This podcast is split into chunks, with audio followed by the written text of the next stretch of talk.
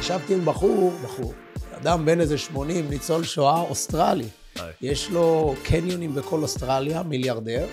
ואז אמרתי לו, תן לי טיפ לנדל"ן. אז הוא אמר לי, תמיד תקנה, באנגלית, אמר לי, תמיד תקנה את ה unique diamond, כאילו את היהלום המיוחד. גם אם אתה משלם over price. למה? אין הרבה יהלומים מיוחדים ותמיד יהיה על זה ביקוש קשיח. אבל אתה בכל זאת, אתה מגיע למתחם, אתה מבין שזה עתיד להיות מיוחד. כן. אתה רוצה להבין באיזה מחיר אתה קונה, שאתה קונה טוב. אוקיי. הבנצ'מרק שלנו, הנקודת השוואה הייתה בת ים, פארק הים במתחם האלף. כן. קו אווירי איזה שני קילומטר משם, ואתה מבין שבבת ים מוכרים לך בעשרה אחוז יותר ממה שהם מותחים במתח... במתחם האלף. ראשון לציון היא עיר שהיא יותר יקרה מבת ים, למרות שבת ים עלתה, עלתה המון, אני ראיתי את זה גם, שם התחלנו, אנחנו בת כן. ימים. Okay. אה, ואז אתה אומר, טוב, יש פה גם עיוות, וגם כן. יש פה הרבה פוטנציאל, וקנינו שם נכסים שהם תוך שנה עלו ב-30 אחוז, ב-25 אחוז. נכסים שקנינו ב-3 מיליון שקל הגיעו ל-4 מיליון שקל.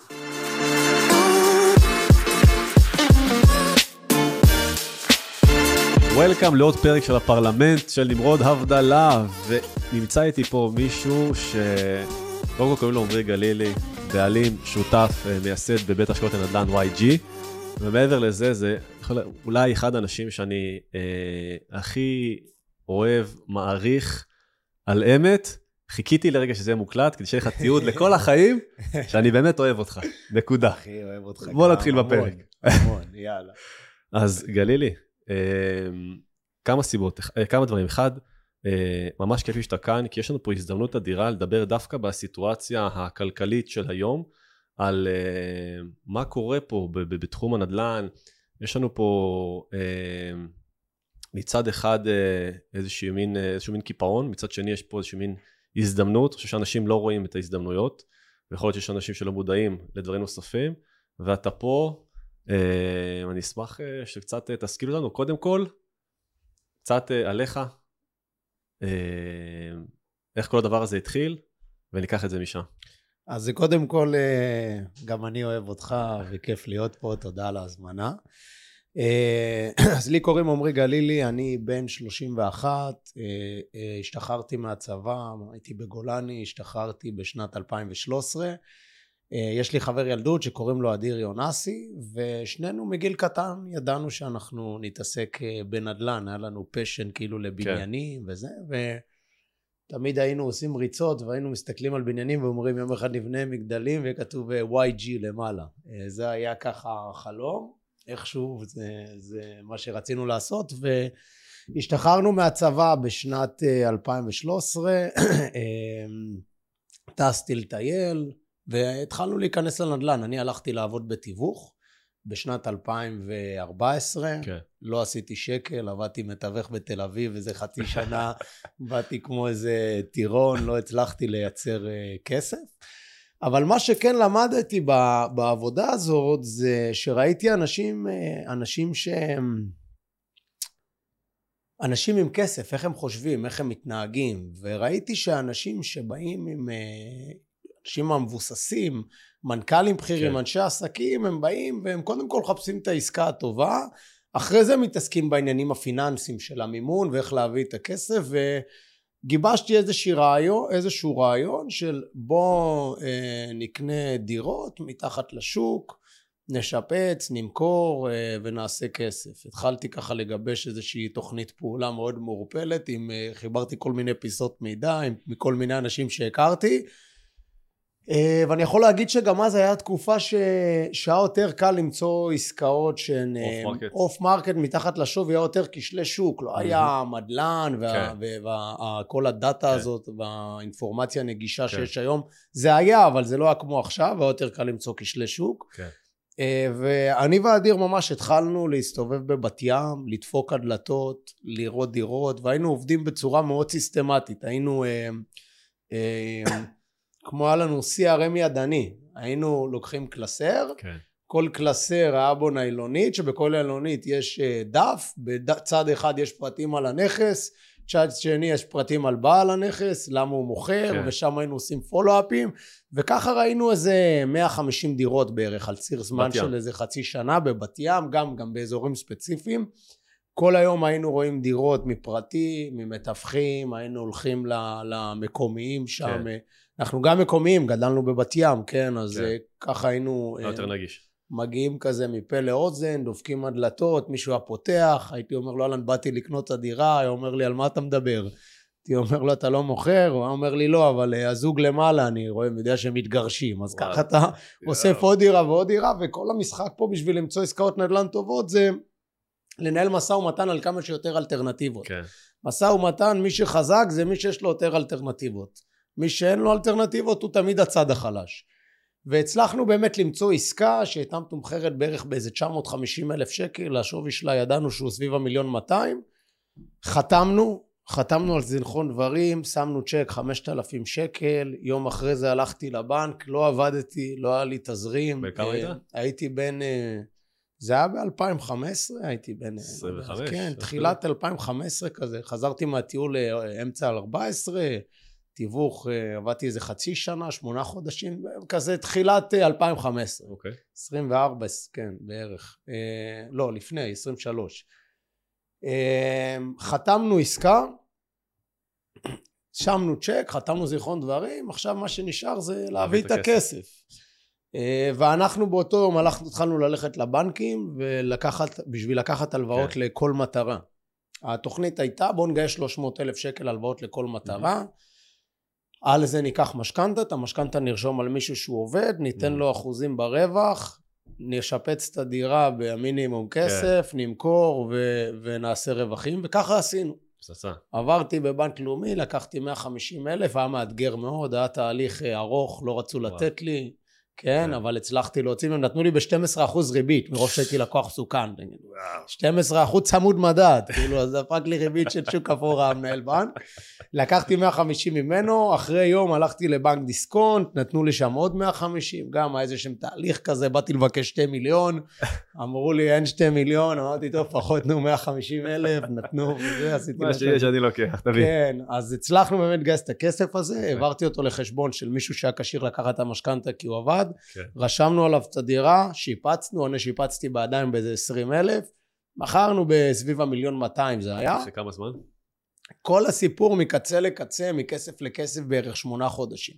מדהים. אמ, כן, זה היה בערך שמונה חודשים, נפגשנו עם הכסף, והתחלנו לעשות את זה, לשכפל את זה. הרי בסוף כשאתה קונה את הראשונה, אתה במקביל כאילו תוקף עוד, אה, נכון. יש לך עוד פוזיציות.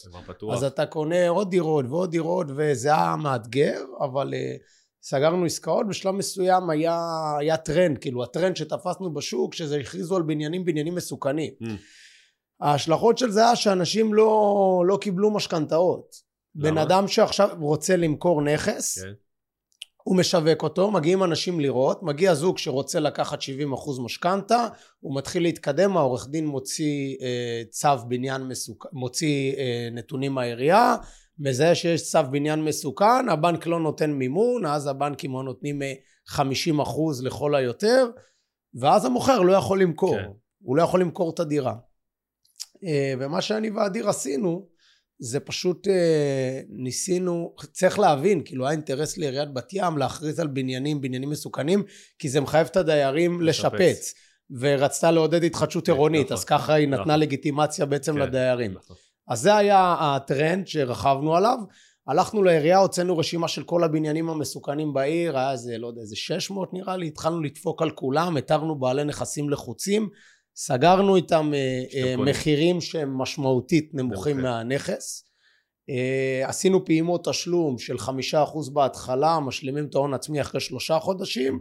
ולפני שהתכנסנו להסכם מכר הוצאנו מהעירייה את הצו בניין מסוכן, רק כדי להבין מה טיב העבודות. שצריך לעשות כדי להסיר אותו, ופתאום אתה מגלה שאתה מביא קבלן ובשלושים אלף הוא מסלק לך את ה... כן, עושה כל מיני תיקונים, סגר את השיפוץ.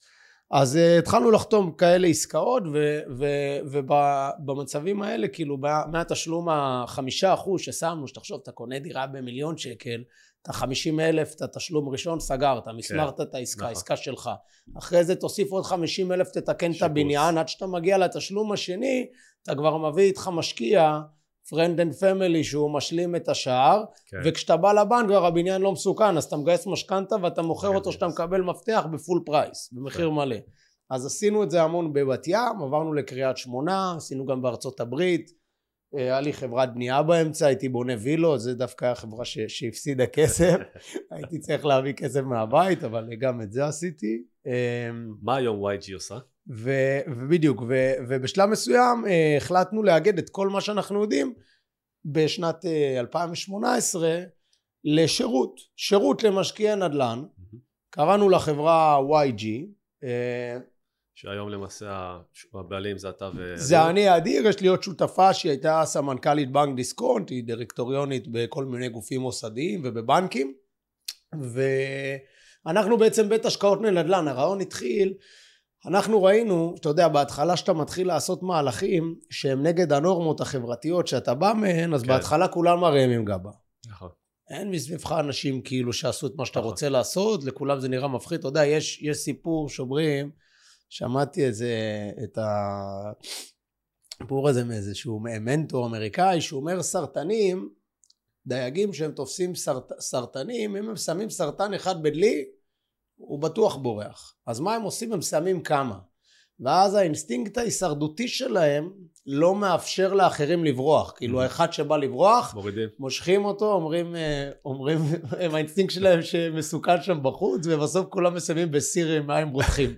וככה זה איפשהו שאתה גודל בסביבה שאנשים לא באמת עשו אה, כן. דברים שהם מחוץ לקופסה, זה בערך כן. מה שקורה. אמ, ו, ובהתחלה שאתה מתחיל לעשות אז כולם מרימים גבה. שלב נכון. מסוים כולם כבר רוצים להיות חלק מהחגיגה, שאתה נכון. מביא כסף ומביא קבלות נכון. ומתחיל לייצר איזשהו system. אז אנחנו ראינו שאנחנו במהלך הדרך עשינו ל friend and family שלנו גם כאלה שלא השקיעו איתנו, גם כאלה שהלכו לעשות לבד כן. ועודדנו אותם ועזרנו להם עם בנקים ועשינו להם ניתוח לכל מיני עסקאות שהם הביאו ראינו שהחבר'ה עושים המון כסף כאילו בעזרת הידע כן. והקשרים שאנחנו, כן. שאנחנו מחברים להם סליחה ו... והחלטנו לפתוח חברה שהיא בעצם תהיה one stop shop למשקיעי נדל"ן. מגיע משקיע, אדם פרטי, רוצה לקנות נכס, אנחנו בונים לו את כל הסטרקצ'ר, עושים לו ניתוח, כן. מה יש לו מבחינת קרנות השתלמות, פנסיות, כסף נזיל, נכסי נדל"ן. מין אנליזה פיננסית. אנליזה פיננסית, בונים structure שהוא מתחשב בהיבטים המיסויים, mm-hmm. המימוניים, אה, שאנחנו עתידים לקחת, היבטים משפטיים. ופשוט יוצאים לדרך, מתחילים לאתר לו את הנכסים. זאת אומרת, בונים לו רגע שנייה איזושהי תוכנית, מה הוא יכול, אה, איך הוא יכול למקסם את כל המשאבים שיש לרשותו, ואז משם לבנות איזשהו פורטפוליו שאפשר לבנות איתו ביחד עם, ה, עם ה client הזה, כן? כן, כן. אמ, ו, ובעצם היינו בונים ל, ללקוחות structure ים מאוד מדויקים, אסטרטגיה, mm-hmm. איך למעשה אני מגדיל את הפורטפוליו נכסים, נכסים של אותו תא משפחתי. כן, כן. מה, מה נקנה, באיזה אזורים, באיזה מחירים, כמה הון עצמי, איזה מימון, איזה ריביות, cash flow, תשואות, כל מה שצריך. once ה client מאשר את זה, אנחנו מבצעים הכל, תחת אותה קורת גג. וחשוב לי רגע להכניס פה רגע נקודה, כי זה, אני חושב שזה סופר חשוב, יש הרבה אנשים שרוצים להשקיע בנדל"ן ומפספסים פה איזושהי נקודה שהיא התכנון. יש הרבה אנשים שאני פוגש, סליחה, שהם, אה, הם, תשאל אותם, אתה יודע, מה אתם רוצים? רוצים לקנות בית, בית להשקעה. עכשיו, מה זה בית להשקעה? יש תא משפחתי שנכון לו X, יש תא משפחתי שנכון לו Y, יש, יש אחד כזה שיכול לאפשר לעצמו לעשות עסקת אקזיט, אחד אה, עסקת תשואה. בסוף שאתם בונים את, ה, את, ה, את התוכנית העסקית, אפשר לקרוא לזה תוכנית עסקית, נכון? כן. בסוף היא מותאמת... תוכנית פר... עסקית היא חלק מה, מהתכנון הזה. מה... כן. היא מותאמת לפר תמיל אה, משפחתי, נכון? כן, אתה בסוף תופר את החליפה בהתאם לצרכים כן. האישיים וליכולות הכלכליות, זה מה שהיינו עושים. אה, ואז בסוף מתחילים את הביצוע, אחרי שמסיים את התכנון, מתחילים את הביצוע, מאתרים את העסקאות, אם זה דירות חדשות, דירות מקבלן, או כן, עסקאות בקונסטלציות כן. כאלה ואחרות, או עסקאות עם אופי קצת יותר יזמי גם, מגייסים, מנהלים את כל התהליך המשפטי, עורכי דין, מגייסים את המשכנתאות מהבנקים, גופי מימון, חוץ בנקאי, ביטוח, כן. כל, כל, כל, כל עסקת מימון היא בהלימה לעסקת נדל"ן שתכננו שנעשה. עושים את ה-added value, כל העניין של ההשבחות, שיפוצים, אה, בנייה, מה שצריך, ובסוף מאכלסים בסוחרים ועושים את הניהול השוטף. A to Z. A to Z, קלאסי, כל השירותים אגב, למשקיעי אה, נדל"ן, תחת ש... קורת גג אחת. יד שנייה יותר או קבלנים? אה, התחלנו בהתחלה בעיקר יד שנייה, התחלנו בהתחלה בעיקר יד שנייה. אה, אבל עם הזמן התחלנו גם לעשות המון עסקאות עם קבלנים. הרעיון מקבלנים היה שהתחלנו לעשות קרנות, mm-hmm. התחלנו לגייס כסף מגופים מוסדיים, ובשביל לגייס את הכסף מהגופים מוסדיים היינו צריכים להביא עוד איזשהו benefits כאילו לקרן שזה ייצר עסקה mm-hmm. עם הרבה יותר היגיון כלכלי והבנפיט שהצלחנו אה, לייצר הוא בא מהכיוון של הטבות מס יש לך כל מיני דבר. חוקים במדינה, נגיד אה, לצורך הדוגמה, עשינו קרנות של חוק עידוד להשקעות הון, mm-hmm. החוק הזה אומר שאם אתה קונה מינימום 6 דירות בפרויקט לפני טופס 4, משכיר אותם לציר זמן של 5 שנים בשכירות שהיא מוגבלת עד 7,400, mm-hmm. אתה אה, משלם מס דיבידנד מופחת, מס חברות מופחת, אין לך מע"מ, יש לך פחת מואץ של 20 אחוז על, שווי, על, על שתי שליש משווי הנכס, זאת אומרת בתזרימי אתה לא צובר הפסד, כן, כן. אבל בחשבונאי אתה צובר הפסד, ואם אתה בונה את זה בסטרקצ'רים מסוימים, אז אתה יכול להזדכות על הפסד מאותו עסקה בחברה אחרת שלך, על פעילות אחרת שלך, ואתה לא משלם אה, יפה. מס בצורה כזו או אחרת. אה, אז באמת עשינו כאלה קרנות, ואז ראינו שיש המון הזדמנויות, זה לא שלא עד אז לא עשינו עסקאות מקבלן, אבל... אה, נהיינו פשוט שחקנים מאוד חזקים בשוק הזה של הדירות כן. על הנייר אמ, והתחלנו לקנות המון גם דירות על הנייר, המון, התחלנו לארגן קבוצות רוכשים, לפני כמה ימים הייתה כתבה גדולה בגלובס עלינו, על זה שאנחנו עושים את זה בצורה סיסטמטית. כן. אמ, והתחלנו לעשות את זה כאילו בצורה מאוד מאוד מסיבית בכל מיני אזורים בארץ שאנחנו אה, אה, פשוט כל הזמן נמצאים במגעים עם הבעלים והמנכ"לים והדרגים הבכירים בחברות נדל"ן הכי גדולות בארץ, אנחנו כל הזמן יודעים מה הפרויקטים שיש להם, מה הפרויקטים שעתידים להיות להם, מה, מה יצא לשיווק עוד שנה, מה יוצא לשיווק עוד חצי שנה. once אני רואה עסקה שמעניינת אותנו, אנחנו כן. עושים את כל הניתוח, לוקחים את הדירות לקליינטורה שלנו וסוגרים הכל. נשמע פגז, אז זה לוקח אותי רגע שנייה אחת לשאלה של, של אה, איך, איך, בוחרים, איך, איך אתם, או באופן כללי, איך כדאי למשקיע בקצה לבחור שוק? איך בוחרים שוק? איפה להשקיע? איך להשקיע? כי הרי בסוף שמסתכלים גם על השוק, אתה יודע, השוק הישראלי, כן? שוק ישראלי מחולק להרבה שווקים. כמעט כל עיר מייצרת לך אה, אלטרנטיבות השקעה אחרות. אז איך בוחרים שוק? תראה, קודם כל, מש, בוא נגיד מה התוצאה הסופית ומשם נגזור כן. אחורה. התוצאה הסופית, אתה שאתה משקיע בנדל"ן, אנחנו גם השקענו בארצות הברית, mm-hmm. ו... בחנו ביוון, בפורטוגל, בכל מיני מדינות, יש לנו צוות של אנליסטים במשרד כן. ושמאים, אנחנו כל הזמן מנתחים שווקים. עכשיו בסוף, שאתה, למה אתה מנתח שוק? אתה מנתח שוק כי אתה רוצה לשים את הכסף שלך במקום שהוא ייתן את האלפא, שהוא כן. יכה את השוק, כמו מניות. נכון. יש לך אינסוף מניות, אתה פותח יד שתיים לצורך הדוגמה, אתה, יש לך אינסוף דירות שאתה יכול כן. להשקיע בהן. אתה בסוף רוצה לקנות את הדירה שאם אתה קונה אותה בשתי מיליון שעוד חמש שנים היא תהיה שווה שלוש מיליון זה בסוף מה שאתה רוצה ואז נכון. כל המשחק זה לדעת לייצר איזה שהם הנחות עבודה okay. אוקיי. ולהבין אם יש פוטנציאל גבוה ומהי הסבירות שהנכס יעלה משני מיליון בשלוש מיליון ותוך כמה זמן. אוקיי. Okay. עכשיו שאתה רוצה להבין את הדבר הזה השורה התחתונה שאתה רוצה להבין הוא האם יש פוטנציאל לגידול בביקושים באותו אזור. אוקיי. איך אתה, מייצר את ההשערה? אמ, אז זהו, אז זה, זה התורה. כאילו, אתה רוצה להבין אם יש גידול בביקושים באותו אזור, ואתה בסוף רוצה להבין אם, אה, מה, מה היכולות הכלכליות של אותן ביקושים. כן. כדי להבין מה, מה יהיה הטריגר. עכשיו, אני אתן כמה דוגמאות. אני אתן כמה, כמה דוגמאות נגיד אה, על עסקאות שעשינו וזה כאילו יעזור להבין ברמה הפרקטית איך. איך אנחנו כחברה כאילו מקצועית מסתכלת כן. על הדברים זה ייתן ערך לחבר'ה שלך שמאזינים. נגיד אני נותן את מתחם האלף בראשון לציון זו דוגמה ממש טובה. אוקיי. אנחנו ישבנו שם על, אה, על פרויקטים ואיך שהפרויקטים האלה יצאו אז אנחנו היינו הראשונים היינו החלוצים בכל המתחם לקנות שם אה, נכסים ו... ואנחנו הסתכלנו שם על התב"ע, על התוכנית בניין עיר, על התוכניות פיתוח כן. של העירייה, מה עתיד להיות שם. עכשיו אנחנו מסתכלים גיאוגרפית, ראשון לציון, מרכז הארץ, אנחנו גם מבינים שאין אלטרנטיבה לתל אביב, mm-hmm. כאילו כל הביקושים הם בסוף הביקושים המסיביים מתנגשים, מתנקזים לגוש דן, כי פה זה מרכז המדינה ויש מטרפולין תעסוקתי אחד פה בגוש דן, נכון. ואין תחבורה מהפריפריה מספיק טובה שהיא מחברת אנשים כן. לגוש דן. זאת אומרת, אם אתה גר בקריית שמונה, אתה לא יכול לעבוד בתל אביב, אלא אם כן נכון. כן אתה בעבודה היברידית. כן. שאגב, זה גם משהו שיצר איזשהו פיזור בביקושים, כל נכון. מה שקרה בקורונה. אז אנחנו באים ומסתכלים על אה, ראשון לציון.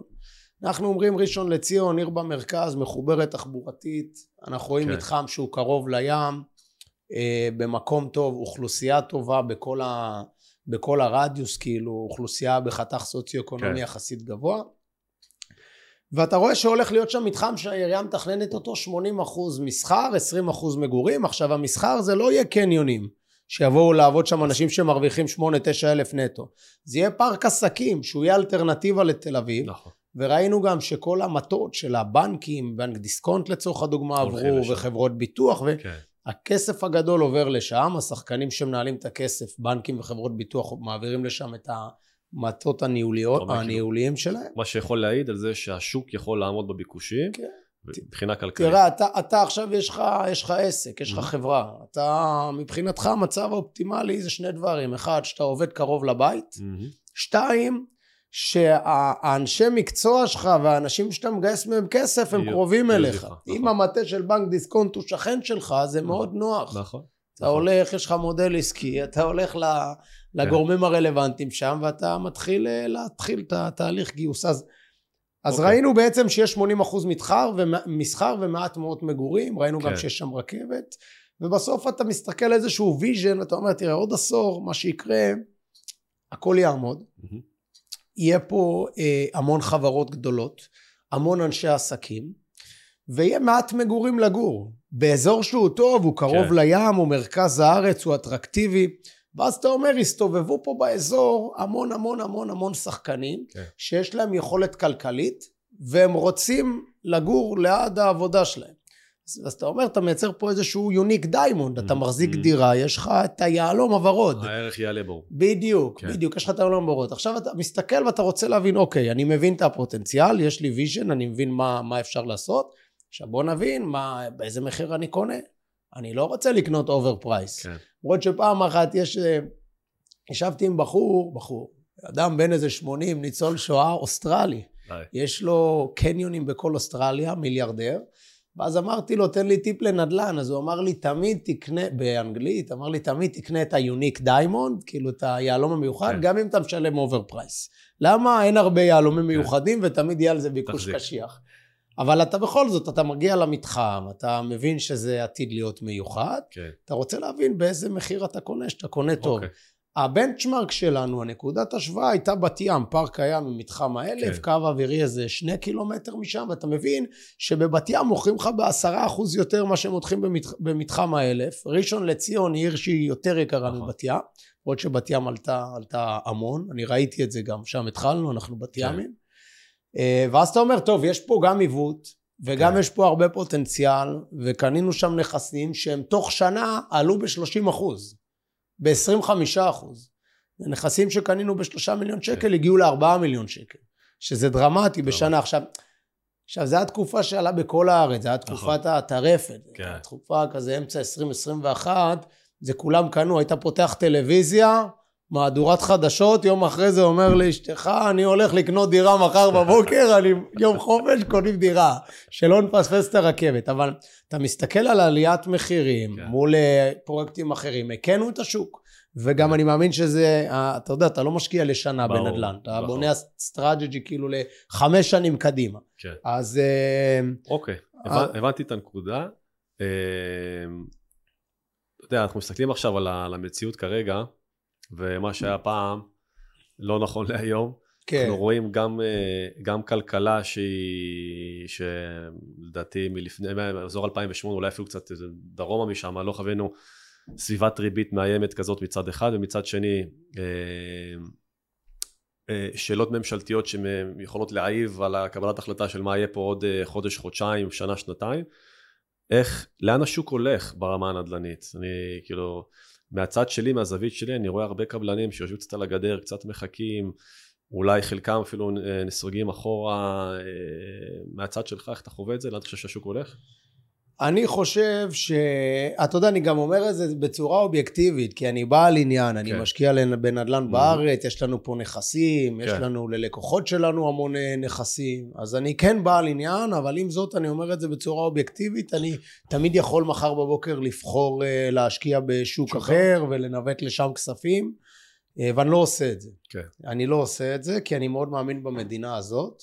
עכשיו אני מאמין בה מכמה סיבות. קודם כל, קודם כל אם אני מסתכל היום על המצב הנוכחי, Mhm. אני חושב שיש פה הזדמנות שהיא היסטורית. לא, לא, לא היה, אני כאילו בנדל"ן, אמרתי מ-2015, אני יכול לבוא ולהגיד, ותכף אני אסביר כאילו מה הנחות עבודה, אבל כן. אני יכול להגיד כאילו מה, מה, מה חוויתי ברמה הפרקטית רק בשלוש שנים האחרונות. אני חוויתי סיטואציה, לי, אני, לי, אה, אנחנו גייסנו, קיבלנו אה, go מאחד הגופים כן, ל- ל- לעשות קרן equity של 200 מיליון שקל. 200 מיליון שקל equity, על זה תמנף, אתה יכול לקנות נכסים ב-400-450 מיליון שקל. כן. עכשיו, כשאתה עושה קרן ואתה מתחיל לקנות סחורה, אתה מתחיל לקנות נדל"ן, אז אתה מגבש אה, איזה שהם אמות, אה, אמות אה, מידה, כאילו אמות עבודה לקרן. אתה כן. מחליט מה אתה, מה אתה קונה, מה ה discount, באיזה הנחות, באיזה אזורים, באיזה טווחי מחירים, כמה חדרים, איזה קבלנים, ערבויות Mhm. בנקאיות. אתה מגדיר מה, מה, מה העסקה שאפשר להגיש אותה לוועדת השקעות של הקרן, להציג אותה ולסגור את. הדיל.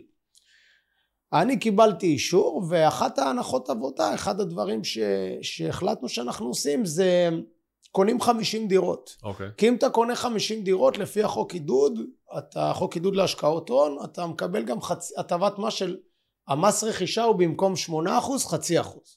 וואלה. שזה עוד אה, סוכריה שהיא דרמטית. דרמטית מאוד. זה בסוף השבעה וחצי אחוז האלה דלתא, שאתה כן. מוריד אותם equity, כן, cash, זה בסוף כאילו משפיע על התשואות בסוף לחלוטין. בצורה דרמטית, על ה-ROI, על ה-IRR, בצורה שהיא דרמטית. אמ, ואני התחלתי להסתובב בשוק. עכשיו, אני, אנחנו מכירים את השחקנים בשוק, Mhm. אנחנו מאוד פעילים, ואנחנו לא הצלחנו לקנות מאף קבלן 50 דירות. למה? כי קבלנים אומרים לנו, תקשיבו חבר'ה, אין לי הרבה מלאי, אתה מפרק לי, אתה מפרק לי את המלאי, ולא רק שאתה מפרק לי את המלאי, אתה מפרק לי את המלאי במחיר שאני לא יכול לעדכן אותו עוד שבועיים. כן, אלה שכאילו הואילו בטבעם למכור לנו, אמרו אני רוצה 15% יותר, אז אתה אומר אין עסקה. אין עסקה. אתה לא איזה פילנטרופיה, אנחנו לא פילנטרופים, אני אממן לו את החברה, אני רוצה לקנות, ב... אנחנו אנשי נדל"ן, נדל"ן זה מסחר, אנחנו רוצים לקנות, להביא עסקה, להביא לקנות, עסקה. כן, לקנות ב discount, זה, זה חוק מספר אחד, כן, תקנה במחיר טוב, אם נכון. קנית טוב הכל בסדר, העסקה תמיד, אה, כן. תמיד, אה, תשרת אותך. אתה יודע, גם אם יהיה לך תזוזות, שמאלה, ימינה, אתה תייצר מספרים נכון. טובים בסוף, במימושים. ולא הצלחנו לקנות, וזה היה פשוט אתגר. אף קבלן. לא רצה, אנחנו חודשים, אחי, ניהלנו משא ומתנים. חרשנו את המדינה מצפון לדרום, ראיתי פרויקטים בכורים שלא ידעתי שאלוהים ברא אותם בכלל, ווואלה, לא הצלחנו להביא עסקה, לא הצלחנו. אמ, עסקה שהאמנו בה, שהיא כן. טובה, אתה לא תקנה כמובן את הג'אן, כאילו. את הזה. והיום הסיטואציה היא כאילו התהפכה? אנחנו ראינו, זה, זה שיעור, אתה יודע, אני מה שלמדתי בעסקים בשלוש, ארבע, ארבע שנים האחרונות, תגיד, מתחילת 2020 עד היום, זה, אתה יודע, אני יושב עם אנשי עסקים בפנסיות, בני, שסיימו את החיים העסקיים שלהם, בני 65, 70, אומרים לי כאילו זה שיעור של 20-30 שנה. נכון. כל התנודות האלה בכלכלה, היה קורונה, היה עליות ריבית, הורדות ריבית, מלחמה, מה לא היה? נכון. היה אינפלציות, דיספלציות, מלחמה באוקראינה, זה טירוף. נכון. ו- ו- וראינו את השינוי מקצה לקצה, והיום הקצה השני של הסקאלה, שבו אנחנו נמצאים, זה שקבלנים, רק תקנה. שאני יכול להגיד דבר כזה, אני הייתי במשא ומתנים, שקבלנים אמרו לי, לא קטנים גם, אמרו לי, אתה קונה מאיתנו את הכמות הזאת בסכום הזה, אני גם מוכן לתת לך אחוזים בג'יפי, כאילו בחברה מלמעלה, קח קיקר באחוזים. אתה קונה את כל הכמות הזאת, אני מוכן שתכנס איתי שותף בחברה, תבין את המצב ה... נסביר רגע שנייה למה הם במקום הזה כרגע, בגלל כל, רובם שם, לא רובם נראה לי, כולם ממונפים ברמה מאוד גבוהה, מה שגומר להם תזרימית כל עליית ריביות, ולכן הם מוכנים אה, לעשות את הצעד הזה. כן, אני אסביר ככה, אני אסביר את האבולוציה של הסיטואציה היום. היום מה שקרה היה ריבית אפס. כולם רצו לתת כסף לכל דבר, ריבית נמוכה, כמעט כל מודל, לא כמעט, אבל הרבה מודלים עסקיים שבטוח לא עוברים כן. היום, עברו ב, נכון. בתקופה של אה, פוסט קורונה. כן. ומה שקרה זה קבלנים ויזמים קנו קרקעות גם ב overprice, גם במחיר יותר גבוה ממה שהקרקע שווה. לא רק שהם קנו ב overprice, הם גם קנו באחוז מינוף מאוד גבוה. ב-80, 90 אחוז, יש כאלה שקנו... אתה לא משלם הרבה על הכסף. 100 אחוז מינוף, הכסף זול, כולם נכון. רוצים לתת כסף כי אין נכון. אלטרנטיבות. נכון. היום לגוף מוסדי יש אלטרנטיבה, הוא יכול לשים אג"ח ארצות הברית, נכון. הוא מקבל תשואה יציבה לציר זמן ארוך. כן. תשים היום בפק"ם בבנק, אתה יכול לקחת 5 אחוז, זה, זה אלטרנטיבה. נכון. עכשיו, שהריבית תהיה אפס, אין לך אלטרנטיבות חסרות סיכון. אתה צריך לחפש את ה risk נכון. כדי לייצר תשואה ש, שהגופים כן. מחויבים לתת. אה, לא מחויבים, אבל צריכים לתת ולהראות. ונזרק המון כסף לנדל"ן מצד הבנקים, גופים מוסדיים, בתי השקעות, נזרק המון כסף. אה, הושקע המון כסף לנדל"ן, לעסקאות שהן מתומחרות מעל השווי שלהן, לעסקאות שהן ב-LTV, היחס מינוף מאוד גבוה, ופתאום כל זה השתנה ברגע.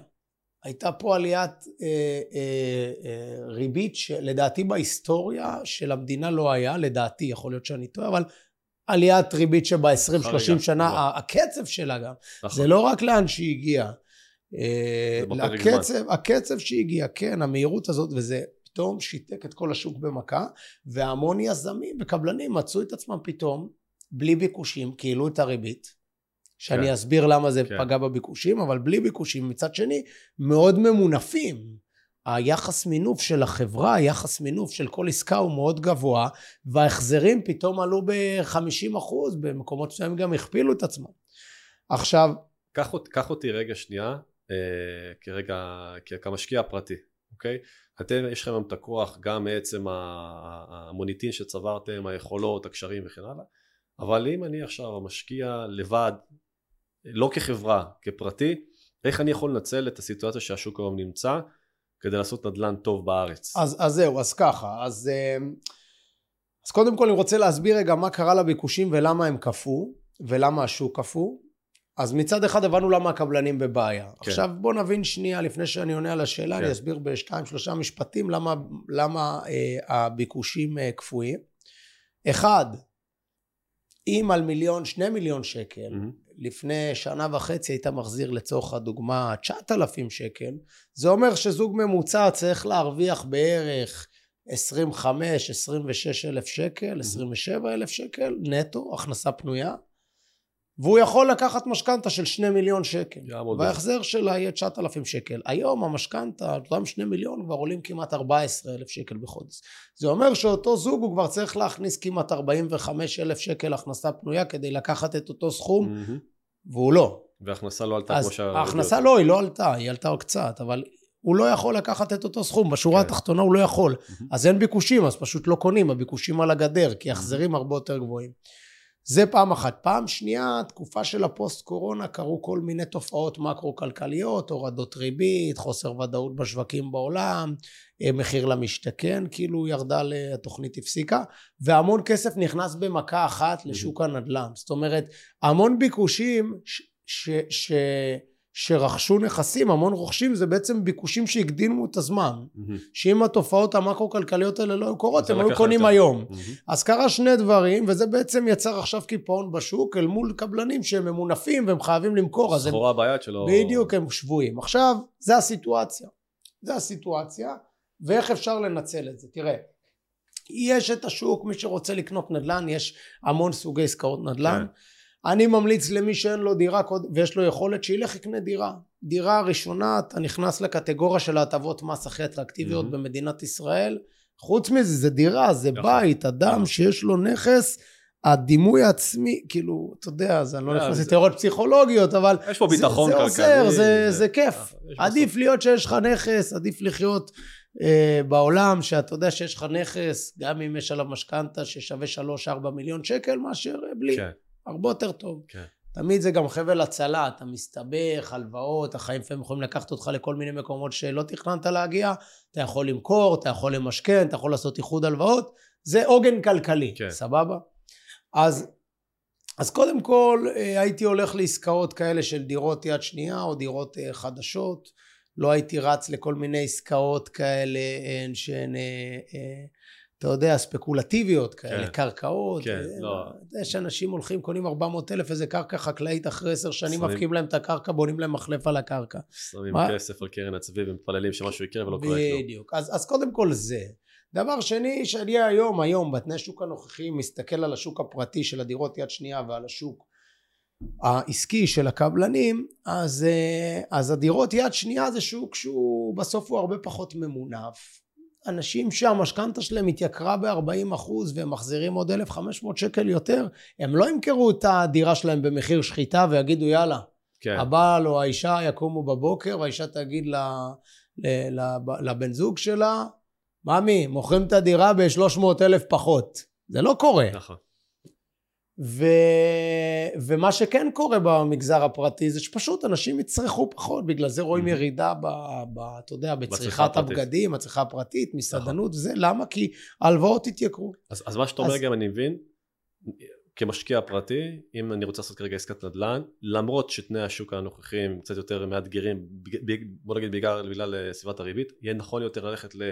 עסקה שהיא אה, דירת קבלן חדשה. חד משמעית, כן. מאשר דירת יד שנייה. חד משמעית. תראה עכשיו, בעצם אני חוזר בעצמי, זה לא חד משמעי כי יש מיליון אפשרויות. יש הרבה אפשרויות, אבל אני אגיד רגע גם למה אני גם מתחבר לאלמנט הזה, כי אתה יודע, יש, אה, בסוף כולנו סוחרים. אה, כן. ואם יש, נגיד, חוק ראשון במסחר ש, שלמדתי, זה שאתה רוצה, אתה רוצה לקנות לחמניה, לך לשוק, אם תקנו אותה בבוקר, תשלם עשרה שקלים. לך בסוף היום, תשלם עליה חמישה שקלים. אין מה לעשות, הוא צריך להיפטר מהסחורה. נכון. ויש כרגע סחורה, והסחורה קיימת, אומנם תנאי הריבית קצת קשים, אבל אם יודעים ללכת, לעשות משא ומתן טוב, אה, אולי אפילו לבוא עם איזושהי קבוצה, או לא יודע מה, להגיע לדירת קבלן, אפשר להשיג עסקה טובה. כן, תראה, היום המלאי של הקבלנים, נכון למה אנחנו 23 היום? כן. 23 לאוגוסט 2023, הצטבר מלאי של 56 אלף אה, דירות מקבלנים, זה מלאי שקבלנים לא מוכרים. הם יכולים למכור, הם לא מוכרים כי אין קונים. שבדרך כלל יש כל שנה דיפולט של חוסר הספק כן, לביקושים. בדיוק. עכשיו, עכשיו, בתקופה שהריבית הייתה ריבית אפסית, היה בערך 44 אלף אה, דירות, בערך. יכול להיות אני טועה באלף לפה, אלף לשם, אבל... זה היה בערך המספרים, ויש קורלציה בין העליית ריבית למלאי שמצטבר אצל הקבלנים, כי הביקושים יורדים. עכשיו, דירת יד שנייה, אני רק אשלים, קשה למצוא יותר עסקאות בהנחה mm-hmm. אטרקטיבית. Mm-hmm. שתיים, אתה גם לוקח את המימון היום. כשאתה קונה נכון. דירה מיד שנייה, אני ואתה עכשיו לחצנו יד, עושים לוח תשלומים, שלושה מדהים. חודשים אתה משלים לי 100% מהתמורה. נקודה שח... קריטית מה שאתה אומר. בדיוק, ו-100% מהתמורה, אם אתה לא קאש בייר, זה מורכב מ-50, 60, 70 אחוז נכון, משכנתה. נכון. עכשיו לוקח משכנתה בסביבת ריבית גבוהה, בין 4.5 ל-5 אחוז במכלול. עכשיו, כשאתה בסוף עושה עסקת נדל"ן פשוטה, קונה דירה, קונה דירה. קבלן. אתה, לא משנה, קבלן, okay. אוקיי. יד שנייה, הרווח שלך מורכב משלושה פרמטרים. אחד, מה קנית מתחת לשווי? Mm-hmm. קנית מוצר ששווה מיליון שקל ב-900 אלף שקל, הרווחת 100 אלף. פשוט מאוד, mm-hmm. זה כמו סחר, זה כמו לקנות עגבניות, אין הבדל. Okay. כן. כמו הלחם שאמרת, רק שזה דירה וזה בסכומים דולי. גבוהים יותר. זה פעם אחת. פעם שנייה, אתה קונה עסקת נדל"ן, אתה קונה גם עסקת מימון, אלא אם כן. כן אתה פנסיונר עם 100 מיליון שקל, ואתה אומר בוא נייצר cash flow, אז אתה לוקח גם, אה, גם משכנתה. כשאתה עושה עסקת מימון אתה רוצה לקחת אותה בתנאים הכי טובים mm-hmm. כי יש, זה משפיע באופן דרמטי על, על כמה אתה מצמצם את החוב. Mm-hmm. שפיצר, אם אתה לוקח משכנתה שפיצר לפני שנה וחצי זה בערך היה 50-50 בערך. זה היה היחס. היית 50% מהחזר החוצים, מצמצם לך מחוב להלוואת המשכנתה. Okay. כן. היום זה עומד בערך על 25% מההחזר החודשי, מצטמצם... 25% אה, על הקרן, כל השאר ריבית. על הקרן. זה אומר שאתה משלם המון ריביות נכון. לבנק, כאילו המשכנתאות... day one אתה כבר 75% שלם ריבית. בדיוק. אז, אז הפעם ראשונה אמרנו קנייה מתחת לשווי, פעם שנייה אמרנו צמצום חוב, פעם שלישית עליית ערך. שעליית ערך היא גם מורכבת מהשוקית, ממה כן. שקורה בשוק, שבשביל זה אתה צריך לנתח את הנתונים המקרו-כלכליים. פעם שנייה, מה, מהעליית ערך שאתה יכול לייצר added value, להשביח את הנכס, קנית בניין, לעשות תמ"א, לממש כן. זכויות. אמ, אז, אז, אז, אז אלה השלושה פרמטרים. עכשיו כשאני מסתכל היום על דירות מקבלן שזה אלטרנטיבה אז קודם כל המגזר העסקי הקבלנים הרבה יותר ממונפים מהמם. הם חייבים למכור גם הבורסאיות הם חייבים לדווח לבורסות מכירה מה קורה, כן. אם הם לא מוכרים מספיק המחזור יורד המחזור יורד המניה יורדת המניה יורדת הם רוצים לגייס איגרת חוב קשה. יותר יקר להם לגייס Mhm. כסף זה כדור שלג הם נכון. חייבים לדווח על מכירות כן. עכשיו יש להם לחץ משני הכיוונים האלה גם מינוף וגם, אה, וגם הם חייבים לדווח על מכירות ואין וכשאתם קונים דירה מקבלן אתם לא לוקחים את המימון היום אם אתם היום יש תנאים 20-80 נניח. אפילו שמעתי 10-90. אחי אני שמעתי 95-5 הלכתי ראיתי בירושלים בשכונת ארנונה איזושהי חברה מוכרת לך 5.95 אתה הולך אתה רואה דירה בשתי מיליון 200 אתה אומר בואנה אני צריך פה 110 אלף אתה עם אשראי. אתה אומר בואנה אני קונה אני נכנסתי פה לפגישה. למקום. מה יכול להיות? אתה מבין? מה יכול להיות? עכשיו יכול להיות המון דברים. כן? זה לא לא עושים מהלכים במיליונים צריך בסוף לשלם את הכסף נכון. הזה צריך לעשות את זה בחוכמה כן ולהבין מה עושים להבין זה קריטי. להבין מה עושים זה חשוב. כן. אמ, אז, אז אתה אומר, יש היום תנאים מאוד אטרקטיביים. אבל הנקודה היא שיש היום הזדמנויות כן. שלא היו. שלא היו, בטח לא היו, ואתה לא לוקח את המימון היום, אתה לוקח את המימון בעוד שנתיים שלוש. כלומר, נסביר רגע את הנקודה, זה אומר שאם עכשיו באת לעסקה כזאת, שמת עכשיו את החמישה אחוז עד נגיד 20 אחוז משווי הנכס העתידי, אתה משלים את היתרה כשהבית, אחרי מה, אחרי שהוא כבר עומד, הוא כבר לא על הנייר, כן, כלומר עוד שנתיים שלוש, ואז אתה תיקח את המשכנתה לפי המצב, מצב הריביות בדיוק. העתידי בעוד שנתיים. אבל נכון. אגב, בעסקה כזאת מתי אני יכול למכור או לממש? תראה, יש שני אפשרויות. בגדול, אתה יכול למכור אחרי שקיבלת מפתח, אבל אתה גם יכול להגן מול הקבלן סעיף Mhm. בחוזה שאתה רוצה למכור עכשיו, וקבלנים מתגש... מתגמשים. הבנתי. אתה אומר לקבלן, אני מכניס סעיף, אני סופג את העלויות של הסבות ערבות, אני רוצה למכור לפני מפתח. לא רוצה להשלים את המשכנתה, ואז אתה מביא קונה שהוא נכנס בנעליים שלך, נהנית מעליית הערך. עושים העברת זכויות, הוא שם את ה... הוא משלם בעצם לך את הסכום ששילמת, את הקרן כן. שלך, פלוס ההפרש בין מה שקנית למה שהוא קנה ממך, שזה הרווח, כן. והוא נכנס בנעליים הקבלן. שלך והוא משלים לקבלן את מה שהוא צריך להשלים. אז יש. מנגנונים, שמים חלק מהכסף בנאמנות וזה, כן. אבל אפשר לייצר אה, אה, עסקאות כאלה, זה דברים שעושים. אה, והיתרון כאילו שאתה בסוף לא לוקח את המשכנתה היום שהיא מאוד יקרה, אתה לגמרי. לוקח אותה בעוד, עשית, קנית דירה בשלושה מיליון שקל, שמת 20 אחוז היום, שתיים, ארבע, בעוד אה, שלוש שנים, אתה, אתה משלים את המשכנתה אז, הנחות עבודה שעד אה, רבעון, אה, סוף רבעון אמצעי ירד. של 2024 אה, יתחילו איזה שהם סייקלים של העלאות ריבית. יש כאלה אומרים בסוף 24. העלאות ריבית? אה, הורדות, סליחה, הורדות. הורדות. כמובן שהנבואה ניתנה לשוטים, אבל אתה רוצה לעשות עסקים נכון. ומהלכים והשקעות, אתה תמיד מגבש הנחות עבודה, על נכון. בסיס מה שאתה חוקר ועל זה אתה עובד. אה, ולפי זה אתה פועל. אז, אה, אז אתה כאילו, אם אתה עושה 20-80, אתה עובר את המימון הגבוה, ובהיבט של עליית הערך, אה, אתה יכול, אה, אתה בעצם יכול כן. לקנות, כאילו, אתה יודע, אתה... כן, כן, כן. אתה יכול לקנות בשכונות שהן מתפתחות, שכונות שמתפתחות מאפס, שבדרך כלל כשאתה קונה בשכונה, אתה בא לחול, אתה קונה דירה בש... באזור שיש חול, שהכל עומד, כמו במתחם האלף שתיארתי מקודם, אז העליית ערך היא יותר דרמטית, יש נכון, תאוצה נכון. לעליית ערך, אוקיי, אז אני חושב שיש הרבה הזדמנויות בזה, אם אני צריך לסכם. פצצה. בוא נצא רגע מהשוק הישראלי, נעשה איזה טיול קטן אה, לארה"ב. אה, מה, כאילו, אם אני רוצה להבין, גם שוב כמשקיע פרטי, יש לי בסוף את האלטרנטיבה להשקיע בארץ, להשקיע בחו"ל, אתה יודע, ארה"ב שם קוד, יכול להיות יוון, קפריסין או כל מקום אחר. כמה כדאי לצאת החוצה או להישאר בארץ בתור משקיע? תראה, אני אגיד לך מה, אני אגיד לך כי מה. גם אני אגיד לך קטנה, כי אני כמשקיע, אה, אתה לא השקעת בפורטוגל לא או אוהב, משהו, לא? אנחנו הי- היינו בהתחלה של אה, איזושהי השקעה שבסוף נפלה, אבל אה, שאגב, זה היה מחזק את, ה, את מה שאני בא להגיד, שכשזה לא לידי, בטח השקעות מהסוג הזה, לי קשה, ואולי אתה יודע, זה עניין אינדיבידואלי, אבל השאלה היא פה באמת, אה, האם שווה לעשות אה, השקעות נדל"ן אה, שהן קוד ארה"ב או אירופה? קודם כל שווה לעשות מה שמייצר כסף, שאפשר לייצר כסף בכל מקום, בהשקעות נדל"ן, בכל מקום.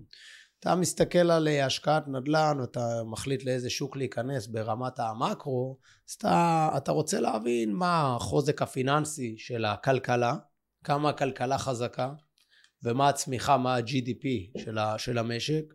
אתה רוצה להבין אה, מה, מה היצע וביקוש. עכשיו נגיד לצורך הדוגמה שאני מסתכל על מדינת ישראל אז יש כמה דברים חזקים יש אה, צמיחה כלכלית שהיא עקבית אירופה עכשיו נגיד יש ואתה? אה, פה גם יש האטה יש האטה בכל העולם אבל באירופה יש ירידה בצמיחה אתה רוצה להסתכל על היצע וביקוש במדינת ישראל היום לפי נתוני הלמ"ס חסר 200 אלף דירות הביקושים גדלים בקצב של 65 אלף דירות בשנה הצפי שב-23-24 יבנו רק 45 אלף יתחילו התחלות כן. בנייה של 45 אלף נגיד בשנת 2008 עד 2012 היה עליית ערך ממוצעת של 11 אחוז בגלל שהיה התחלות בנייה של פחות מ-40 אלף ממוצע בכל שנה. Mm-hmm. עכשיו זה לא יעלה את אותו דבר כי הממוצע משכורות היום הוא יותר גבוה, הוא 115 משכורות בשוק הישראלי לקנות דירה אל מול 90 שהוא לפני הקורונה. Mm-hmm. אבל אתה רוצה להסתכל נתונים של היצע וביקוש, yeah. כן. ממוצע משכורות, אתה רוצה להסתכל על צמיחה כלכלית ולקבל איזושהי תמונת מצב איפה להשקיע. עכשיו, בדקת את זה במקרו ואתה אומר, אוקיי, אני עכשיו החלטתי על ארצות הברית, סבבה. מה קונים? אז כן. זה תלוי באסטרטגיה שלך. יש אסטרטגיות שאתה בחור צעיר, כוחך במותניך, אתה אומר אני לא צריך עכשיו את הביג מאני ולהתחיל לבזבז ואני לא צריך את התזרים, אני אלך על השקעות של הגדלת הון. שם כסף, מתמנף, קונה בסכום גדול, מרוויח אפסייט על הכסף הזה, נגיד קנית במיליון, הרווחת עשרה אחוז, אתה במיליון מאה. כן. עכשיו אם מינפת יותר את הכסף ובגלל שלקחת יותר הלוואה, השכירות, אין לך, אין לך החזר מהשכירות נגיד בארצות הברית, אתה לא נהנה מהתזרים השוטף, אז לקחת הלוואה גדולה יותר, קנית כן. ביותר כסף, במיליון וחצי לצורך הדוגמה, עשרה אחוז מייצרים לך 150 אלף, mm-hmm. אז אתה קודם כל בוחר איפה אתה רוצה להיות, אתה בוחר אם אתה רוצה להיות על הגדלת ההון, השקעות עם מינוף, או עסקאות תשואה, בוא אני אקנה איזה מולטי פמילי בארצות הברית כן. ואני אקבל כל רבעון כסף. עכשיו, ארצות הברית שוק טוב, אני לא בעד להשקיע בשווקים עם כלכלות חזקות, כי? כי, כי אני אגיד לך, זה כסף בסיכון, אז זה עניין של ניהול כסף, אם יש לך אה, אה, אה, סכום של כסף, אתה אומר אוקיי, אני אשקיע עשרה אחוז ממנו בשוק כל, שהכלכלה שם חלשה, נגיד, לא יודע, גיאורגיה ראיתי הרבה, אה, כל מיני כלכלות כאלה ואחרות. יוון לפני כמה שנים שעדיין כן, אז, אז, אז תראה, אתה צריך לקחת בחשבון שהפוטנציאל תשואה שלך הוא גבוה, גבוה מאוד. נכון. אבל גם הסיכון הוא גבוה. גבוה.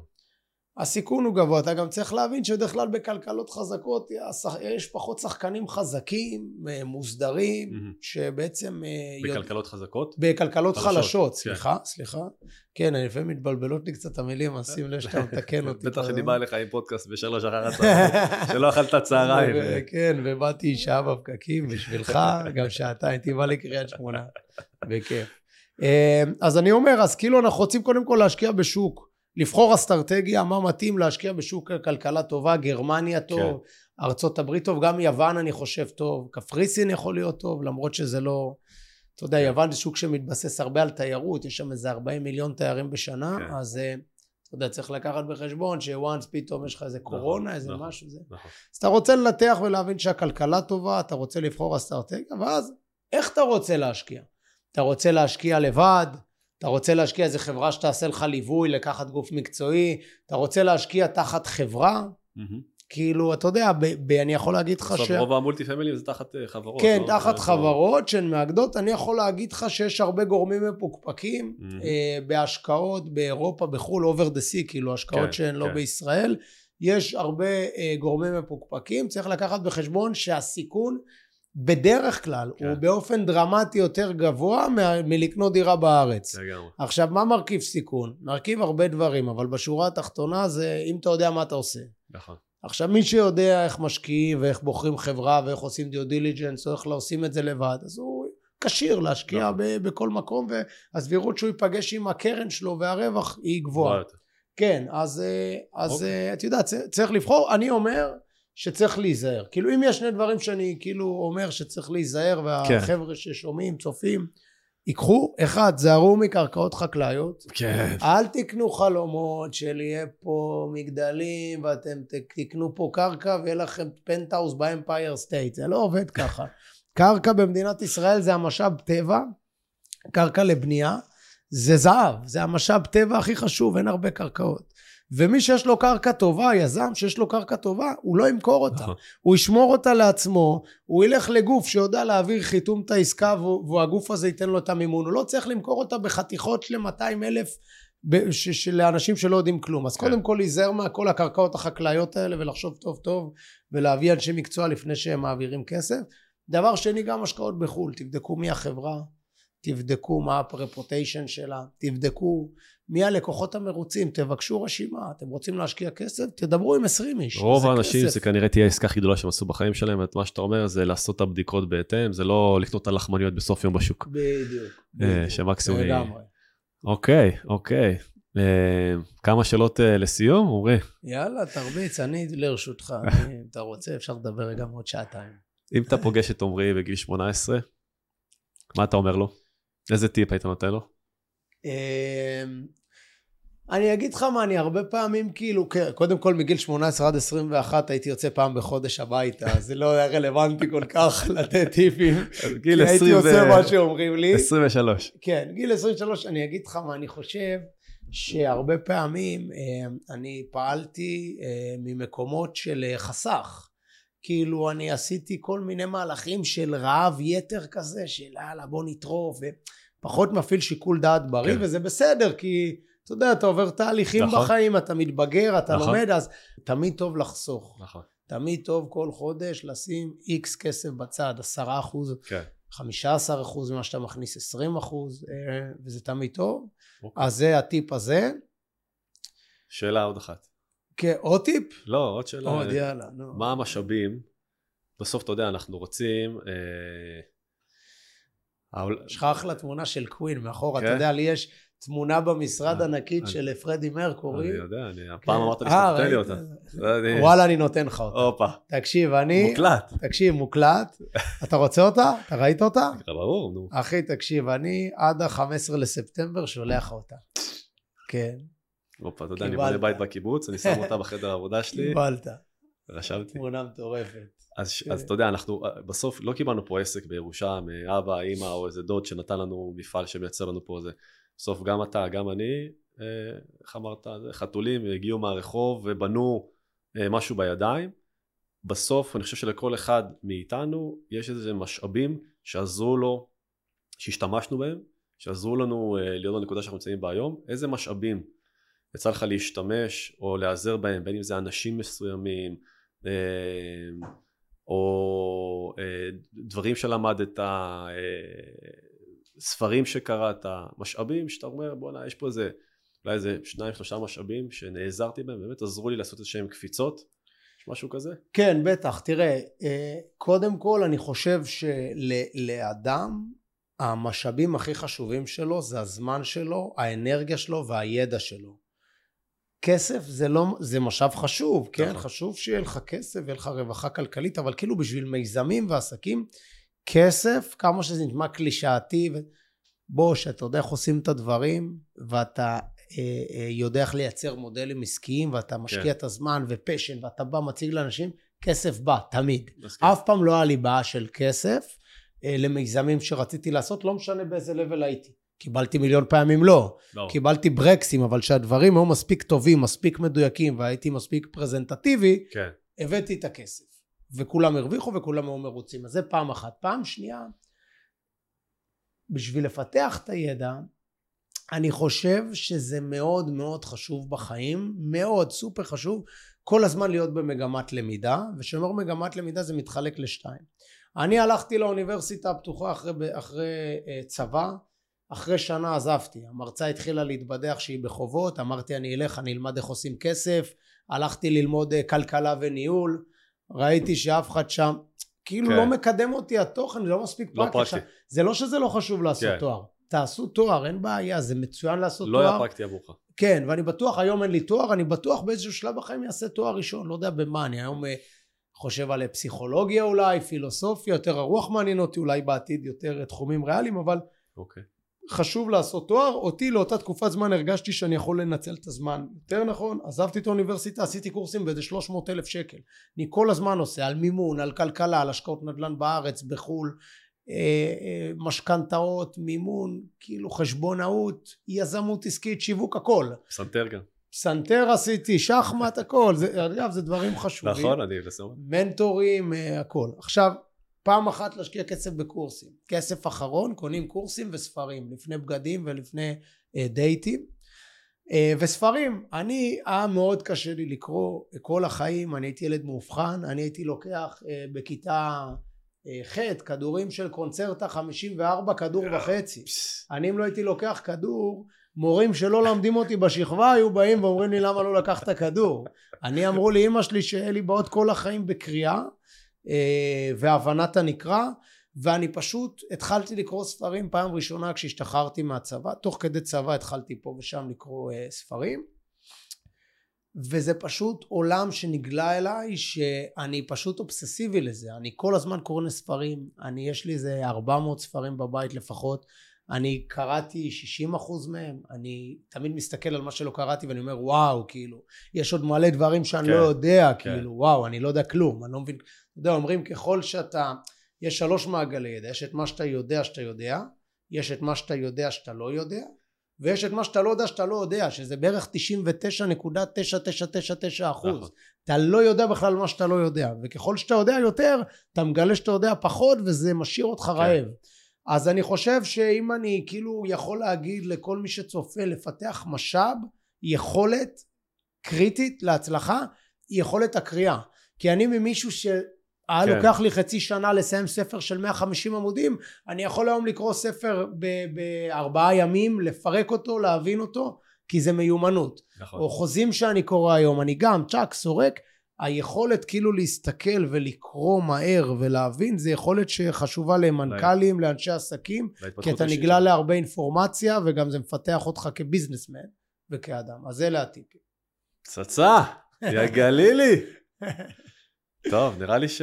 נראה לי שסיימנו. אה, כאילו, אתה יודע מה זה סיימנו, יש פה עוד אין סוף דברים, אבל נראה לי נמשיך אותם כבר על איזה שניצל תכף. יאללה.